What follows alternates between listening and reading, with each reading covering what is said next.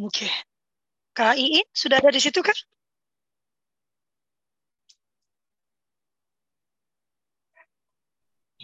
Kak Iin? Ya, ini saya nggak tahu ya, eh, apakah karena masalah sini tadi udah beberapa orang masuk terlempar kayaknya ya, tapi ini satu-satu mulai masuk nih. Moga-moga sinyalnya bersahabat ya, karena mendung banget di Jakarta memang. Oh gitu. Mm -mm, mendung banget nih. Aku di Cinere eh sorry di Cirende. Kita mulai ya. Uh, selamat sore sahabat suluh keluarga. Kita bertemu kembali dalam Kultur Parenting edisi hari Senin tanggal 26 September 2022. Uh, ini adalah percobaan memang kita mencobakan di hari Senin itu beberapa kali di sore hari untuk melihat animo dan juga uh, melihat animo dari peserta dan juga pembicara ya. Eh, nanti akan saya sampaikan keputusan uh, kami di akhir bulan ya, apakah akan terus ada sore atau tidak. Dan sore hari ini sebetulnya topik yang kita contoh, yang kita pilih ini sangat menarik dan sebetulnya cenderung kontroversial ya. Jangan-jangan para guru nggak mau ikut karena ini judulnya kontroversial ya. Kain ya. Uh, dan kita mau mempertanyakan tentang kurikulum merdeka. Wah, kain kamu di hotel lagi? Iya. Ya Tuhan. Untung libur kita ya, kamu bisa pulang ya.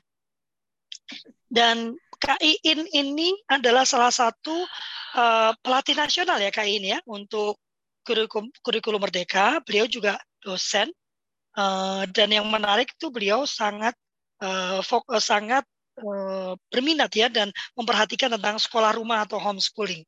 Uh, saat ini juga saya sedang ada di rumah Kaseto nih Wah, sedang ada meeting. Saya lupa kalau sore ini ada meeting biasa ya. Dan kita kan melihat, uh, karena saya itu kan kain banyak menerima komplain ya dari anak-anak yang mengatakan bahwa mereka makin terasa terdiberatkan dengan adanya kurikulum merdeka. Yang harusnya menjadi merdeka, mereka malah uh, malah merasa lebih terbebani. Pertanyaan saya di mana misnya gitu kan? Ataukah memang dari awalnya merdeka itu cuman tempelan? Ataukah ada miss gitu ya antara konsep yang sudah disiapkan dengan penerapannya di daerah-daerah atau di sekolah-sekolah. Silakan Kaiin. Oh ya, ya, acara ini direkam di YouTube kita dan juga nanti di Spotify. Nanti juga teman-teman akan mendapatkan rangkumannya berupa video singkat di um, uh, TikTok uh, dan Instagram. Jadi jangan khawatir ya. Silakan Kaiin. Ya oke, makasih Kak Lovely, nih sahabat pena, sahabat pena, sahabat tiap minggu ini ketemu terus kita ya dari hotel di Bogor gitu. Dan uh, sering diskusi terkait uh, apa yang menjadi tema kita sore ini gitu. Santai ya ini Kak Lovely ya. Jadi uh, saya sapa dulu semua yang sudah uh, join ada Kak Siska, ada siapa ini? Kak Dani ya. Oke ya. Baik, seperti yang disampaikan Kak Lovely tadi bahwasannya tentang kurikulum merdeka itu uh, kalau boleh berbagi ya, saya aku berbagi ya Kak ya. Ya ya ya boleh. Nanti uh, Deli akan merangkum ya. Yes. Uh, udah kelihatan kah? Yes. Iya. Ya, sebenarnya benar banget sih apa yang disampaikan Kak Lovely tadi. Maaf kalau ini PPT-nya nggak nggak begitu menarik ya, karena yang di, disiapkan menyiapkannya nih eh, apa sambil lari-lari gitu Kak Lovely ya. Jadi inti-intinya aja gitu.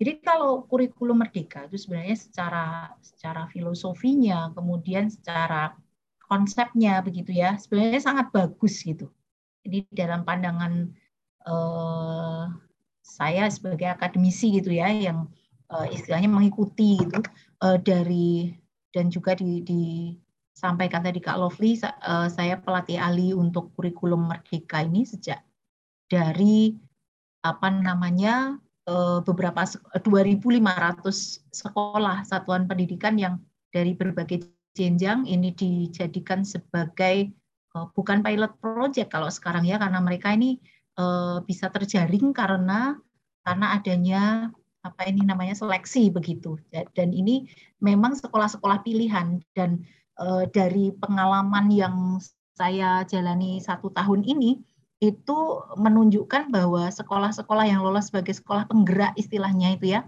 itu tidak semuanya sekolah favorit. Bahkan ada sekolah pinggiran sekolah yang mohon maaf ini dampingan saya ini salah satunya sekolah yang hidup segan mati tak mau sebenarnya. Siswanya sedikit dan apa e, dari segi infrastruktur dan sebagainya sebenarnya tidak tidak begitu bagus gitu. Tetapi e, ada SDM dari mereka yang memang e, bisa meloloskan sebagai sekolah penggerak tadi gitu. Artinya di sini ada sebuah apa ya keadilan gitu sehingga tidak lagi seperti di masa lalu kurikulum itu hanya diuji cobakan di sekolah-sekolah yang favorit yang memang menjadi pilot project seperti itu. Nah, eh, secara garis besarnya ya seperti ini. Kurikulum Merdeka itu sebagai upaya pemulihan pembelajaran kalau yang disampaikan secara normatif selama ini ya, eh, yang sebelumnya juga disebut sebagai kurikulum prototype gitu. Dan memang eh, kalau dirasakan dan dilihat dari regulasi-regulasi yang dikeluarkan gitu sampai ke standar isi standar prosesnya itu sebenarnya dikembangkan sebagai kerangka kurikulum yang lebih fleksibel gitu ya dan oh, fokusnya itu pada materi esensial dan juga pengembangan karakter itu. Kemudian di sini ada hal yang membedakan dengan sebelumnya dan e, menjadi motivasi utama untuk dilaksanakan yaitu e, pembelajaran yang berbasis proyek gitu, di mana proyek tersebut diharapkan bisa uh, mendukung pengembangan soft skill dan juga karakter yang sesuai dengan profil pelajar Pancasila yang kita tahu ada enam dimensinya itu dan uh, apa dikembangkan dalam sub-sub dimensi sebagaimana uh, yang termuat dari masing-masing dimensi di enam yang berjumlah enam tadi. Kemudian uh, juga fleksibilitas bagi guru. Nah ini yang sebenarnya menjadi polemik ya di kalangan guru seperti yang sudah saya lakukan uh, dengan survei gini di guru di jenjang pendidikan dasar itu merasakan uh, merasa tidak fleksibilitasnya di mana begitu karena ada budaya bagi mereka bahwa di setiap kurikulum baru muncul itu ada format-format baku untuk perencanaan, untuk uh, sampai ke instrumen penilaian dan sebagainya yang yang dikeluarkan, yang di uh, apa terbitkan juga berdasarkan regulasi bahkan begitu ya RPP itu ada regulasinya. Nah terus kebiasaan itulah yang kemudian menjadi pertanyaan sampai sekarang ini fleksibilitasnya di mana? Pertanyaan para guru.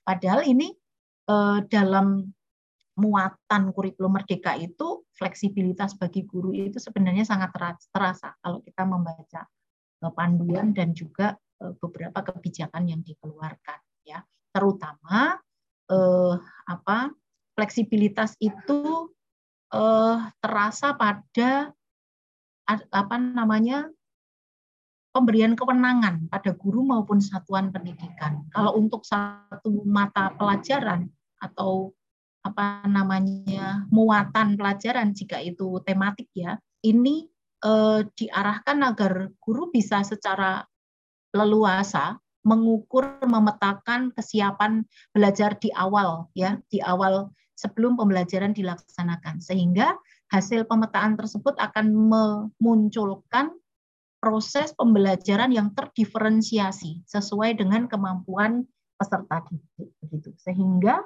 Eh, anak-anak ini mendapatkan perlakuan yang memang sesuai dengan eh, kemampuannya begitu. Tidak lagi menyeragamkan bahkan apa namanya berupaya untuk menuntaskan pada satu titik yang sama sementara eh, kemampuan anak ini sangat beragam nah, ini apa namanya pembagian jenjang yang didasarkan pada fase begitu dan ini eh, sebenarnya memang sangat berpihak ya berpihak pada hak dan kemampuan siswa kemampuan anak begitu mulai dari fase A sampai dengan fase F. Jadi sebenarnya di sini berkesinambungan maka kemudian capaian pembelajaran itu juga eh, akan tercipta dalam sebuah alur gitu. Alur itulah yang akan menunjukkan kesinambungan kemampuan eh, dan goals eh, akhirnya itu adalah capaian setiap peserta didik yang berbeda-beda sesuai dengan kemampuannya. Gitu kalau digambarkan. Nah, ini perbandingan antara kurikulum 13 dengan kurikulum merdeka ya eh, sudah saya sertakan di sini nanti bisa di kalau dibutuhkan untuk di-sharekan saya siap ini monggo silahkan nanti bisa dijadikan bahan begitu eh, dan secara umum bisa disimpulkan bahwa tadi di awal saya sudah menyampaikan bahwa fleksibilitas kemudian apa namanya Eh, kemerdekaan itu memang memang sebenarnya sudah lebih terasa begitu. Nah, kemudian yang kedua, selain pembelajaran tadi ada pembelajaran terdiferensiasi berpusat pada peserta didik, juga ada proyek yang e, muaranya nanti untuk menguatkan profil pelajar kita itu yang Pancasilais begitu. Ya, di sini e, kesempatan kesempatan untuk eksplorasi pengetahuan, menguatkan pengembangan Eh, enam dimensi pelajar Pancasila tadi, kemudian pengembangan keterampilan dan sebagainya ya dalam eh, apa sebuah proyek yang mana di dalamnya ada dimulai dari desain perencanaan kemudian apa namanya pengembangan produk ya sampai kemudian peserta didik itu melakukan aksi nyata eh, untuk menghasilkan karya begitu. Ini di harapkan bisa dikuatkan dalam proses belajarnya. Sehingga eh, anak itu akan mendapatkan pengalaman nyata begitu. Ini ya. Kemudian eh, bagaimana keterbukaan ya akses akses untuk menggunakan kurikulum merdeka selama ini sebenarnya sudah sangat luas begitu. Namun juga hasil survei membuktikan bahwa eh, mohon maaf ini eh, guru itu juga lemah untuk mengakses secara mandiri eh, platform-platform yang disediakan oleh pemerintah begitu. Kemudian eh, itu tadi gambaran ya bagaimana kurikulum merdeka itu diimplementasikan dan diinginkan oleh masyarakat begitu. Eh, kemudian kurikulum merdeka juga menjadi terobosan yang mana berharap agar guru dan kepala sekolah itu bisa mengubah ya, mengubah proses belajar menjadi jauh lebih relevan, mendalam dan menyenangkan bahkan tidak sekedar menyenangkan saja tapi penuh tantangan gitu. Jadi apa namanya higher order thinking skills untuk uh, anak itu tidak sekedar cita-cita saja tetapi benar-benar terimplementasi dalam prosesnya begitu. Nah, kemudian uh, ini inti ya, intinya kurikulum merdeka itu ya merdeka belajar tadi eh, dan tidak ada paksaan begitu. Tidak ada paksaan bagi peserta didik. Bagi guru juga demikian, tidak ada paksaan untuk eh, mengembangkan atau mendesain pembelajarannya dengan model X, model begini, model begitu harus seperti ini formatnya dan sebagainya. Tidak demikian. Dan strategi pembelajarannya pun juga uh, men, apa namanya yang disediakan ya berbasis proyek tadi sehingga peserta didik itu terbiasa untuk melakukan studi kasus, observasi ya, kemudian juga kajian-kajian lintas mapel ini dan uh, sehingga pembelajaran itu tidak semata-mata hanya untuk menyiapkan diri menghadapi soal-soal ujian gitu. Ini karakteristik utamanya tadi sudah banyak kita uh, apa namanya Eh, bahas di depan. Nah, ini yang kemudian menjadi persoalan tadi seperti apa yang ditanyakan Kak Lovely. Sebenarnya di mana sih eh, yang salah ketika tadi saya sampaikan secara filosofi kurikulum merdeka itu bagus ya punya cita-cita yang indah gitu berpihak pada anak dan sebagainya tetapi banyak keluhan di lapangan ternyata anak-anak juga mengeluh karena pulang terlalu sore, kemudian apa namanya banyak biaya yang dikeluarkan oleh orang tua, tambahan biaya dikeluarkan oleh orang tua dalam rangka melaksanakan proyek. Itu kenapa begitu? Kalau dari eh, apa namanya berdasarkan apa yang yang berkembang selama ini begitu ya. Ini uh, semacam ada tuntutan untuk berkreasi dan inovasi itu ya. Yang yang mana tuntutan itu kemudian dijadikan beban terutama oleh satuan pendidikan begitu. Kepala sekolah guru itu banyak yang merasa ada beban ya, yang mana e, hal tersebut e, jauh dari apa yang selama ini sudah dijalankan. Ya, memang memang kalau apa namanya sesuatu yang dirasa baru itu sering dianggap ini e, apa namanya nggak sama seperti apa yang selama ini dijalankan. Jadi semacam ada anti mainstream begitu. Apalagi kalau di kurikulum merdeka ini dengan kemerdekaannya fleksibilitas yang tinggi tadi. Kemudian guru yang selama ini dipandu dengan standarisasi format begitu ya, ini juga mengalami kesulitan untuk dimerdekakan. Ternyata demikian gitu. Kemudian juga mohon maaf ini ya kualitas guru yang masih menjadi pertanyaan dan banyak riset yang menunjukkan ada kualitas guru yang rendah. Ini uh, juga berpengaruh terhadap apa yang sebenarnya dicita-citakan saat ini. Sehingga mindset lama uh, apa namanya itu masih me, masih masih dominan pada uh, diri setiap guru gitu. Ada sesuatu yang baru tapi nggak ada contohnya. Nah ini. Jadi mereka tidak mereka cenderung mengharap ada contoh jadi kemudian mereka tinggal apa namanya menggunakan, tinggal pakai begitu.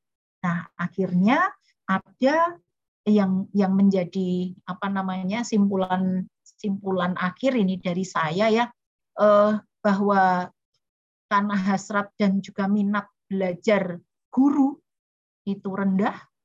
Nah, ini kemudian menjadikan kalau bahasa Jawanya ya salah kaprah begitu dalam memaknai tujuan dan filosofi kurikulum merdeka tadi. Sehingga yang terjadi di lapangan itu yang ada justru adalah eh, apa penambahan-penambahan beban. Semacam misalnya ada eh, apa namanya hak ya, hak atau apa ya, kewajiban ini untuk melaksanakan proyek itu kan besarannya 20 sampai 30 persen dari keseluruhan jumlah jam pelajaran yang tersedia di setiap jenjang gitu ya di setiap jenjang itu 20 sampai 30 persen. Kenapa di, e, disampaikan dengan rentang? Itu karena sebenarnya sekolah bisa memilih mau bisa menentukan sendiri mau berapa, mau 25 JP juga boleh e, atau mau mau 25 persen dari JP jumlah jam pelajaran keseluruhan juga sebenarnya boleh. Tetapi ini tidak dimaknai demikian. Jadi makna-makna merdeka, kemudian kewenangan pada guru dan eh, satuan pendidikan itu belum diterapkan sepenuhnya. Lalu ada asumsi yang beredar sesuai dengan pemahaman masing-masing juga yang masih belum tepat sehingga membuat eh, tadi yang saya katakan salah kaprah yang sebenarnya itu 20 sampai 30 persen itu bisa dipilih itu bagian dari keseluruhan CP tapi masih justru ada yang menghitungnya di luar dari jumlah jam pelajaran keseluruhan sehingga menjadi tambahan bobot jumlah jam pelajaran yang dijalankan eh, di sebuah satuan pendidikan. Hal yang eh, apa namanya sangat mencolok itu terjadi ketika sekolah-sekolah yang notabene-nya memiliki karakteristik ya tambahan selain menjalankan kurikulum nasional Eh, mereka punya kurikulum uh, muatan lokal ya, kurikulum lokal begitu uh, sesuai dengan karakteristik lembaganya. Nah, kemudian inilah yang menjadikan bobot itu makin bertambah gitu. Misal sekolah-sekolah berbasis agama ini biasanya yang yang apa namanya bebannya tetap saja besar. Padahal di kurikulum merdeka itu jumlah jam pelajarannya sebenarnya sudah di eh, apa namanya sederhanakan begitu. Itu saja mungkin sebagai awalan Kak Lovely ini dari saya. Eh, saya stop dulu ya. Ya. Oke. Halo Kak Lovely, Kak Deli.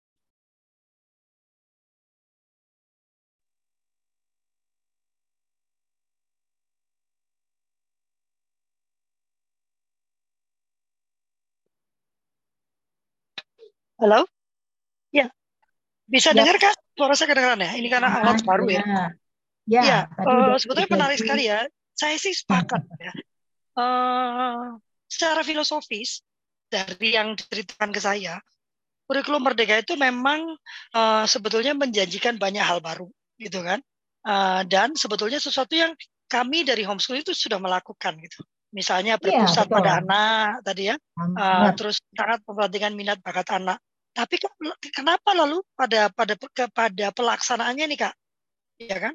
Itu itu malah menjadi beban yang luar biasa bagi anak-anak. Di manakah kelirunya? Ataukah uh, kalau kurikulumnya sudah bagus,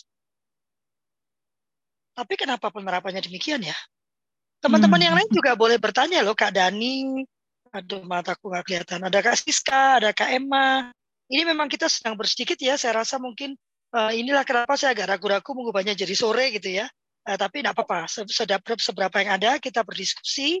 Uh, apakah kurikulum merdeka itu ternyata sudah semerdeka yang digembar-gemborkannya dan di mana sebetulnya letak letak misnya?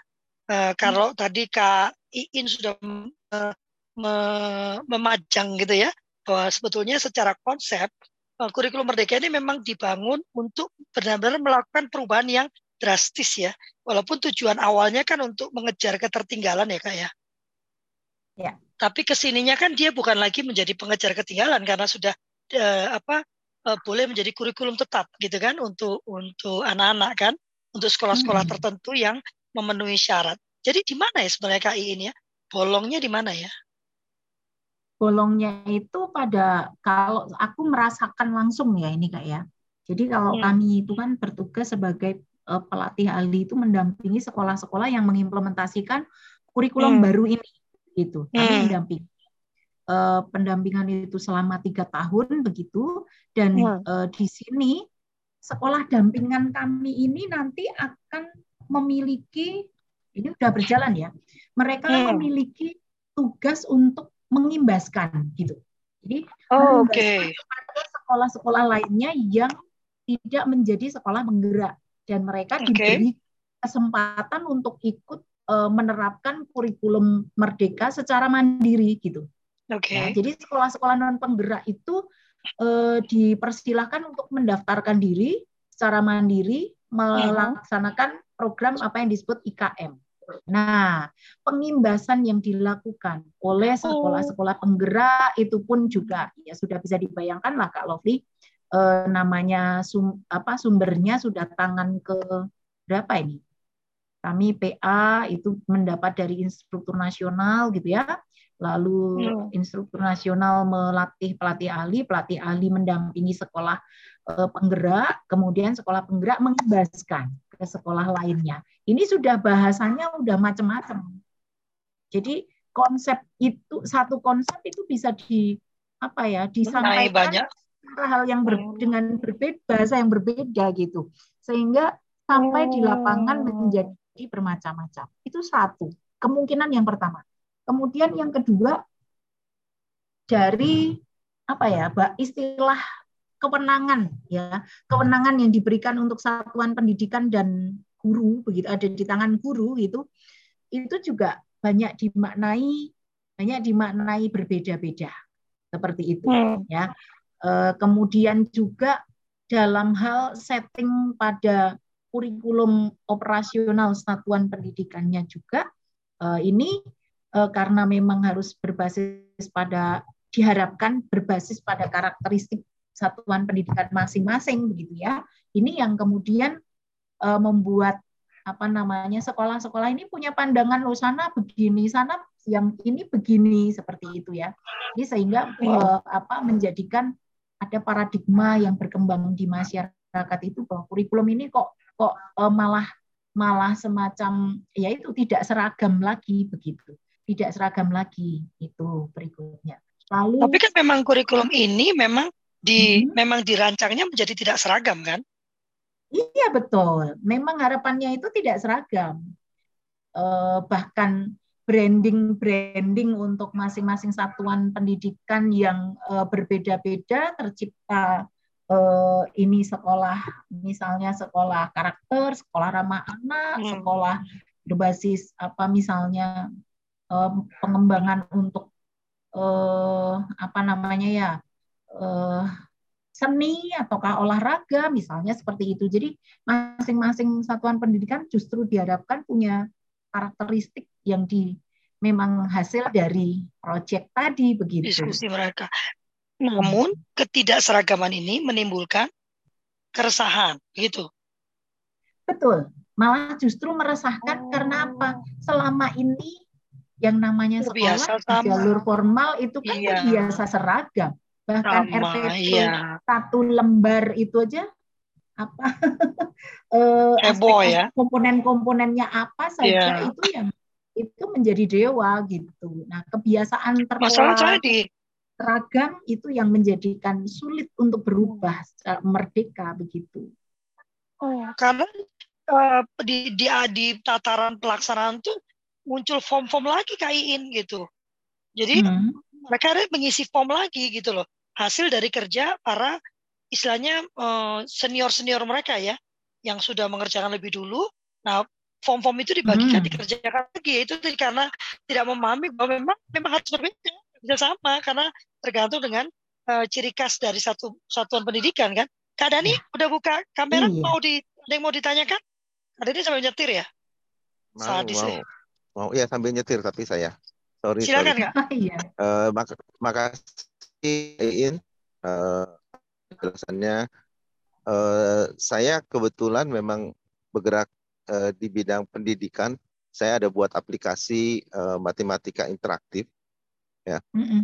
uh, memang ketika ada kurikulum ini membingungkan sih buat saya pribadi gitu. Uh, cuman saya nggak tahu apakah secara teorinya kan seharusnya kan seharusnya nih.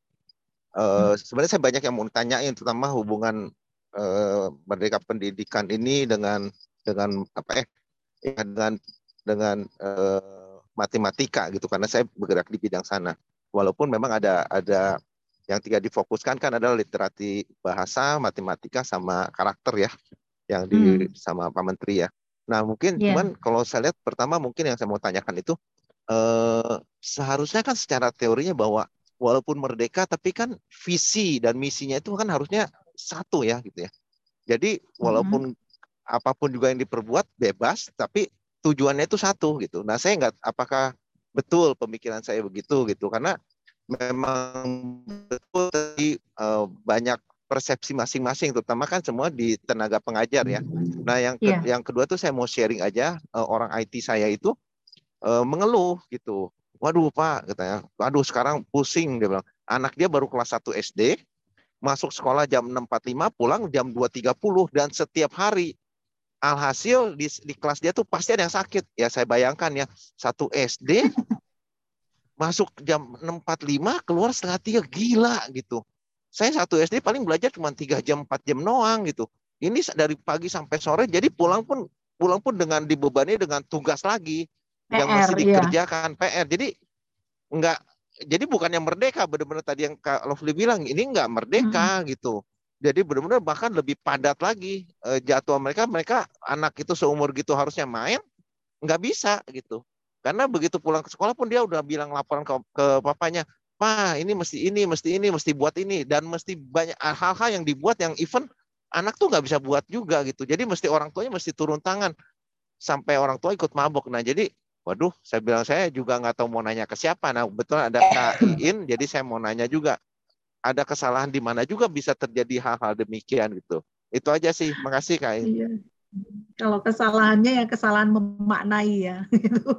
kesalahan pemaknaan pada pada konsep yang uh, di di apa namanya yang sudah dibuat begitu. Jadi memang terasa sekali di lapangan itu uh, satuan pendidikan itu banyak yang uh, apa namanya salah menafsirkan, salah memaknai konsep yang nyata yang sesungguhnya begitu. Misalkan saja sebagai contoh ini ya, untuk masuk ke sebuah pembelajaran, materi esensialnya apa misalnya begitu ya.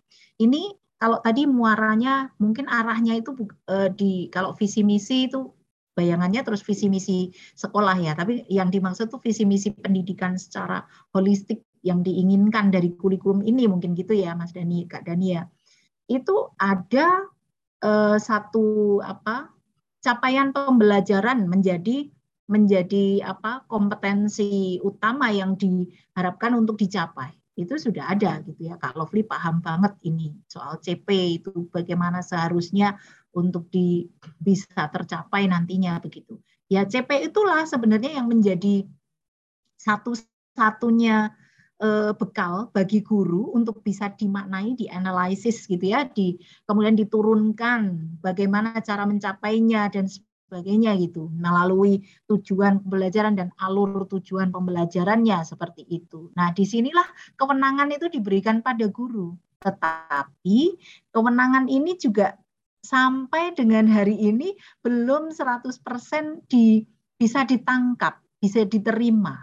Lagi-lagi seperti apa yang disampaikan Kak Lovri tadi juga eh, mereka kecenderungannya adalah mencari mana yang sudah jadi sehingga tinggal pakai saja seperti itu. Ada form-form yang diharapkan saling berbagi, harapannya bisa dimodifikasi, tetapi mereka tidak memodifikasi. Adanya adalah ya copy paste aja bawa ke sana kemari. Ini inilah sebenarnya eh, gaya lama yang diharapkan tidak terjadi saat ini gitu, gitu ya. Termasuk di proses pembelajarannya pun sudah diarahkan untuk terdiferensiasi itu diawali dengan pemetaan kesiapan anak dulu begitu. Ini sebenarnya kan ya sebenarnya metodenya ikut homeschooling banget gitu ya Kak Lovely ya. Jadi eh, bagaimana kemampuan anak itu di jenjang yang di level yang mana nanti pelayanannya sesuai dengan levelnya itu seperti itu. Nah, kemudian kalau terkait dengan beban jadwal yang padat itu memang sekali lagi ini ada kesalahan memaknai seperti itu. Nah, contoh saja, contoh saja ya, proyek yang di tadi saya sampaikan bebannya itu 20 sampai 30 persen dari keseluruhan jumlah jam pelajaran intra yang utama begitu ya, itu diambil untuk proyek. Dan proyek tersebut tidak berdiri sendiri sebenarnya, tapi ada kaitannya dengan mapel-mapel yang diinterakan, dipelajari dalam Eh, pelajaran intra seperti matematika tadi misalnya eh, Kak Dani ya. Jadi kalau antara proyek dengan matematika sebagai intrakurikuler itu juga sebenarnya bisa saling berkaitan gitu. Sehingga eh, sudah sekali dayung sudah sudah mendapatkan beberapa hal seperti itu. Nah, ini yang belum sampai kepada guru-guru kita begitu. Belum sampai sehingga justru adanya malah penambahan-penambahan beban belajar. Begitu. Ya, monggo Kak Lovely. jadi kalau aku jadi bertanyanya gini kayaknya. Apa yang seluruh keluarga bisa lakukan untuk membantu uh, para guru itu balik ke track berpikirnya gitu. Karena yang aku perhatikan ini ya, selama berpikirnya itu masih mata pelajaran, maka kurikulum merdeka itu tidak bisa terjadi. Jadi kalau berpikirnya hmm. masih per mata pelajaran, yang terjadi ya kayak sekarang ini, anak itu dibebani proyek per mata pelajaran. Padahal ya. seharusnya satu proyek itu bisa mencakup beberapa mata pelajaran. Ya. Jadi lebih mempercepat ya. sebetulnya. Itu satu. Yang kedua, Kak Dani, visi misi itu memang tergantung pada satuan pendidikan. Karena bisa saja satuan pendidikan A itu lebih berfokus pada karakter, satuan pendidikan B itu berfokus pada pencapaian akademik yang tinggi karena dia mau mencetak juara-juara olimpiade which is fine gitu kan. Mm-hmm. Jadi nanti rancangan kurikulumnya sesuai dengan visi misi uh, satuan pendidikannya. Mm-hmm. Di mana visi misi itu di, dibangun berbasiskan pada analisa SWOT. Ya kan? Analisa SWOT mm-hmm. dari lembaga itu sendiri. Gitu. Jadi ini sebetulnya prosesnya proses manajemen biasa, proses planning biasa yang harusnya sudah biasa dilakukan oleh teman-teman guru. Nah yang berikutnya, wah Kak Dani udah mau protes aja tuh, udah angkat tangan langsung dia. Silakan Kak Dani, langsung jamin aja. Enggak, bukan iya. protes, ya. justru mau nanya saya mah. kalau yang tadi sih saya setuju harusnya maksudnya kalau seandainya ada visi misi dari dari apa pemerintah, nah harusnya ya udah kalau ada tujuannya kan kita nggak jalannya bagaimana, strateginya gimana kan terserah. Kasih, Tapi kasih tujuannya tuh pencapaiannya tuh jelas gitu. Nah, cuman yang saya saya tuh tergel, saya tuh tergelitik sama satu statement dari satu uh, saya waktu itu nonton di TikTok ada satu anak muda lah ya, eh bukan anak, ya pokoknya anak SMA. Dia cuma bilangnya begini. Jadi mungkin pertanyaan saya tuh berdasarkan dia. Jadi uh, pertanyaan saya tuh, apakah uh, kurikulum merdeka ini udah fix akan dijalankan selama lamanya di di Indonesia ini, gitu? Karena kalau hmm. enggak itu yang yang dikomplain sama anak itu udah gitu itu kita ini anak-anak ini jadi kami ini jadi kelinci percobaan. Menteri yang satu bilang kurikulum ini rubah. Nggak nggak ada ujungnya. Menteri berikutnya ganti lagi kurikulumnya rubah lagi. Jadi kayaknya eh, pendidikan itu sebagai satu kelinci percobaan aja gitu. Akhirnya nggak ada ujungnya. Nah maksudnya apakah sudah fix? Oh ini. Kalau ini kan berarti kan untuk membangun untuk membangun kurikulum merdeka ini mungkin perlu infrastrukturnya perlu 3, 5, 10 tahun. Tapi ketika setelah dibangun tiba-tiba dirubah lagi ke kurikulum entah itu 2013 atau apa pun juga ya dari nol lagi loh gitu. Eh, cuman juga saya nggak tahu apakah eh, KIIN yang punya kapasitas menjawab tapi itu di kepala saya gitu. Thank you, thank you. Silakan KIIN. Tapi sebetulnya saya berharap kurikulum ini akan di, terus diterapkan. Tapi, yeah. nah perlu ada usaha ekstra untuk pertama mengubah paradigma dulu. Karena kalau paradigma berpikirnya tidak mau berubah, kurikulum merdeka itu jadi kurikulum yang mengerikan gitu. Karena saya sebetulnya masih protes dengan CP gitu ya. Kalau udah ada CP hmm. nggak merdeka dong. Harusnya cukup dengan SKL standar kompetensi kelulusan. Tapi setelah mendengar kalau nggak ada CP lebih bingung lagi para guru itu kan menerapkan kurikulum iya. merdeka. Sementara CEPO iya. itu gerakannya sudah dua tahun Kak Dani. Jadi capek pembelajaran itu hmm. dua tahun, gitu kan? Nggak hmm. enam bulan, nggak satu tahun, tapi dua tahun. Jadi mereka punya ruang gerak yang cukup sebetulnya, gitu ya Kak ya. Nah, Kak ya. Kain, pertanyaan saya, apa yang Akademi Solo Keluarga lewat kultur parenting bisa kerjakan untuk membantu tugas Kain agar pemahamannya itu lurus gitu loh Kain? Hmm. Ya yeah. Kak Dani, Kak Dani masuk anggota dari seluruh keluarga nih. Apa yang bisa kita kerjakan gitu kan Kak Dani? Kalau konsep yeah. sebegitu cantik, bagaimana? Apa yang bisa kami bantu supaya konsep yang cantik itu berjalan dengan cantik juga? Ya, seluruh keluarga ini punya uh, keren ini ya, mandiri banget pokoknya keren luar biasa. Ya, uh, ini luar biasa ya, uh, artinya uh, independen tanpa didanai pemerintah bukan siapa-siapanya pemerintah tapi benar-benar pasang dada pasang badan pengen ikut ya. apa namanya mensukseskan begitu karena memang ini cita-cita yang sebenarnya sangat bagus begitu ya kalau saya bukan gimana gimana tapi um, kalau membaca konsepnya secara utuh itu memang bagus terutama hmm. untuk hmm. untuk hak anak gitu ya untuk untuk hak belajar anak begitu nah, ini e, memang kalau saya bilang sepertinya kok kurikulum ini malah terilhami dari proses, metode dan juga hal-hal yang selama ini dilakukan oleh para homeschooler gitu. Hmm. saya hmm. saya malah hmm. merasa hmm. seperti itu gitu. Kemerdekaan, hmm. kemandirian ya itu seakan-akan mengambil dari sana. Nah, kalau pertanyaannya apa yang bisa dilakukan oleh seluruh keluarga menghadapi eh, apa namanya polemik yang sel selama ini ada di balik perkembangannya kurikulum merdeka itu ya eh, turut turut berperan aktif dalam mengubah mindset terutama para guru, para apa praktisi pendidikan di jalur formal begitu ya. Itu eh, bagai memang yang paling awal dilakukan adalah mengubah mindset dulu.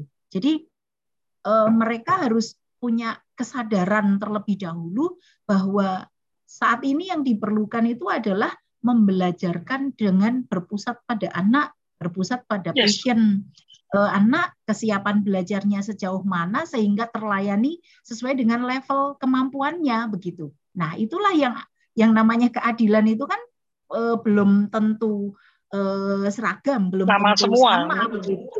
Ya, itulah maka Kemudian nah termasuk ini kalau Lovely yang sangat menarik itu sekarang ditiadakannya kalau UN udah uh, ini ya, tapi kalau yang ini uh, kriteria ketuntasan minimal ya. Kriteria ketuntasan minimal pada setiap mapel begitu ya itu kan sudah tidak direkomendasikan lagi begitu. Sudah tidak diberlakukan. Yang berlaku adalah kriteria ketercapaian ya ketercapaian di setiap tujuan pembelajaran yang di, dirumuskan oleh guru. Nah ini yang di lapangan ternyata sangat sulit. Dalam pendampingan pendampingan ini pengembangan apa desain belajar ala kurikulum merdeka yang paling susah mendampingi guru ini adalah uh, membuat rubrik secara uh, kualitatif gitu ya dengan deskriptor yang tepat di setiap tujuan pembelajaran dalam setiap elemen uh, satu uh, mapel itu itu sangat sulit bagi mereka karena apa memang terbiasa uh, menggunakan konsep yang sudah secara kuantitatif terukur begitu hmm. dan ini sudah ditentukan ada panduannya. Nah, padahal dalam dalam dalam era merdeka ini deskriptor dan rubrik rubrik uh, pengukuran ketercapaian belajar itu menjadi hak prerogatif bagi guru untuk mengembangkannya. Begitu ini sulit sekali. Maka yes. memang kalau tidak diawali dengan mindset yang eh, Berubah. muncul dari kesadaran sendiri untuk ber, merubah bahwa segala sesuatunya itu perlu apa namanya berpihak pada anak tadi ya. Jadi kesiapan anak sejauh mana lalu dilayani sesuai kesiapannya uh, dan dia kecenderungannya terformat begitu. Ini sudah sulit. Tapi di beberapa pendampingan itu ada yang lang tembak langsung. Mana contoh RPP-nya? Ya, Mana contoh ya. perencanaannya? Ya, ya. Mereka itu yang rusak administratif iya.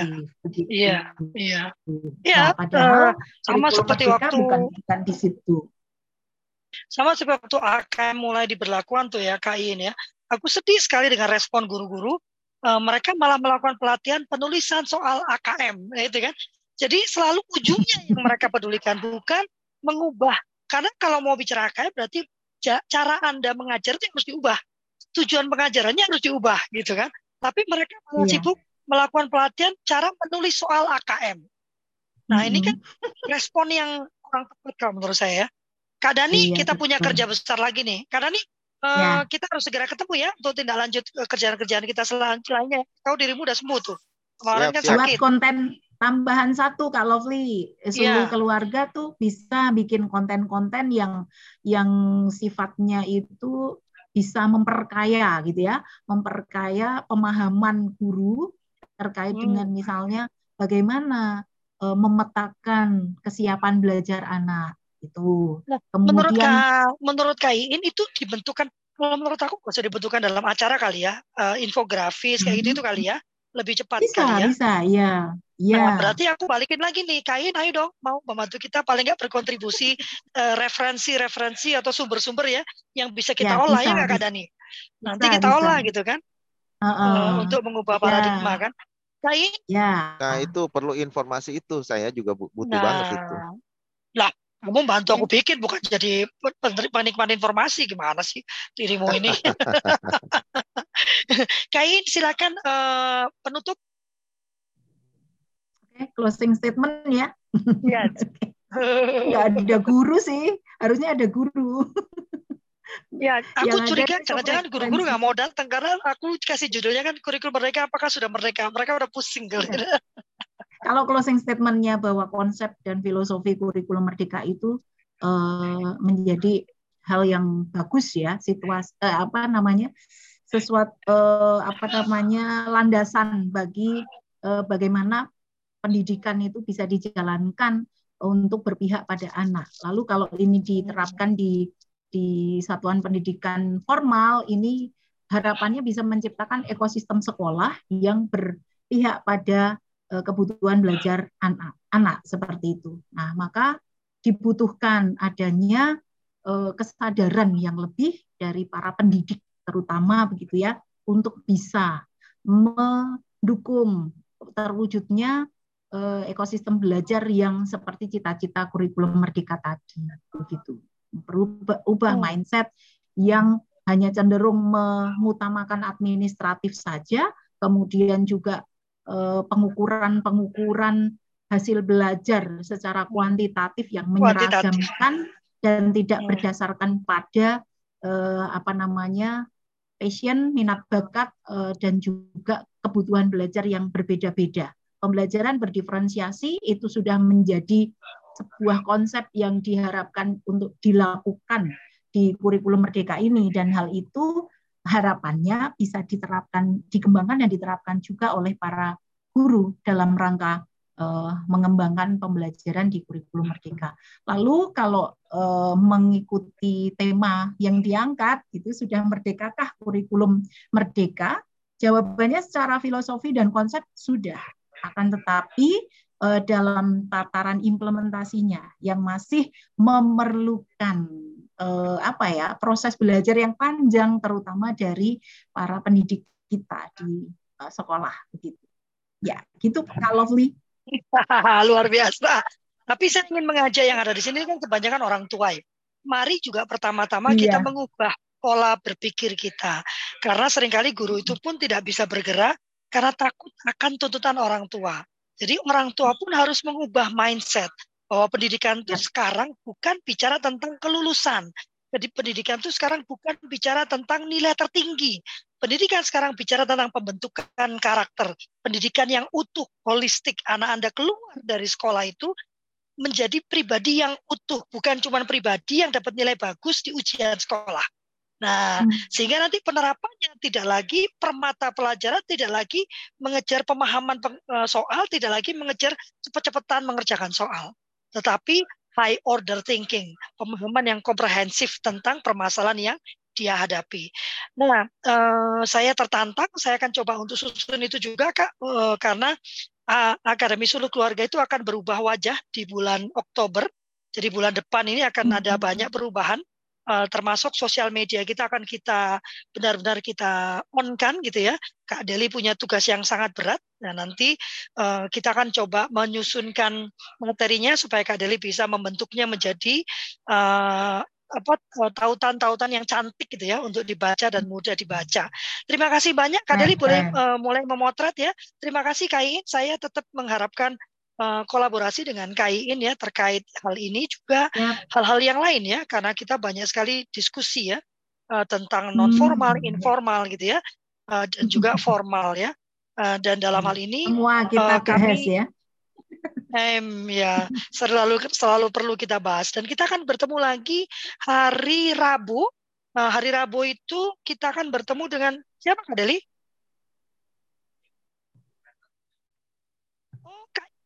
Trigun ya, Kak Trigun.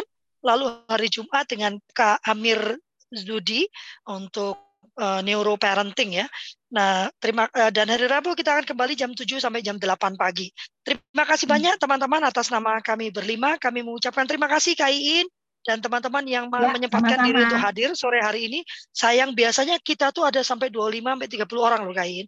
Mungkin ini karena sore ya. ya. Ini memang sedang saya coba apakah sore lebih rame ya ternyata enggak ah, ya okay. uh, eh, dan uh, dan uh, dan ini bisa bisa iya jadi ini bisa disaksikan kembali di YouTube di YouTube channel kami uh, Suluh Keluarga atau di uh, sorry Kultur Parenting atau di Spotify hmm. kita Suluh Keluarga dan nanti biasa sih Kak Deli ini agak panjang karena uh, nanti PPT-nya di, dikirimkan ke Kak Deli ya Kain karena dia punya tugas untuk mengubah PPT itu menjadi video ya untuk oh. untuk ditayangkan di TikTok dan di Instagram Reel.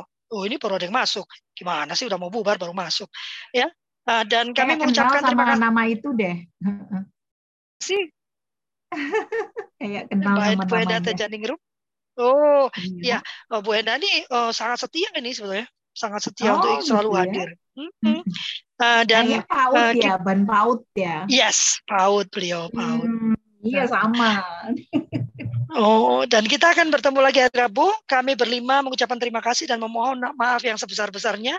Apabila ada pernyataan sikap atau gestur yang kurang berkenan, kami tidak ingin merendahkan, tidak ingin memojokkan, tidak ingin menghakimi, juga tidak ingin menggurui, Kami hanya ingin membagikan apa yang menjadi keyakinan kami dan yang paling penting apa yang kami usahakan untuk kami kerjakan dalam kehidupan kami sehari-hari. Terima kasih banyak. Wassalamualaikum warahmatullahi wabarakatuh. Makasih, Tuhan memberkati.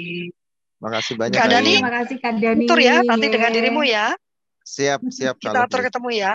Yuk. Ya, ya. makasih. Pamit Kak Lovely, Kak Dani. Pamit. Makasih. Kak Deli.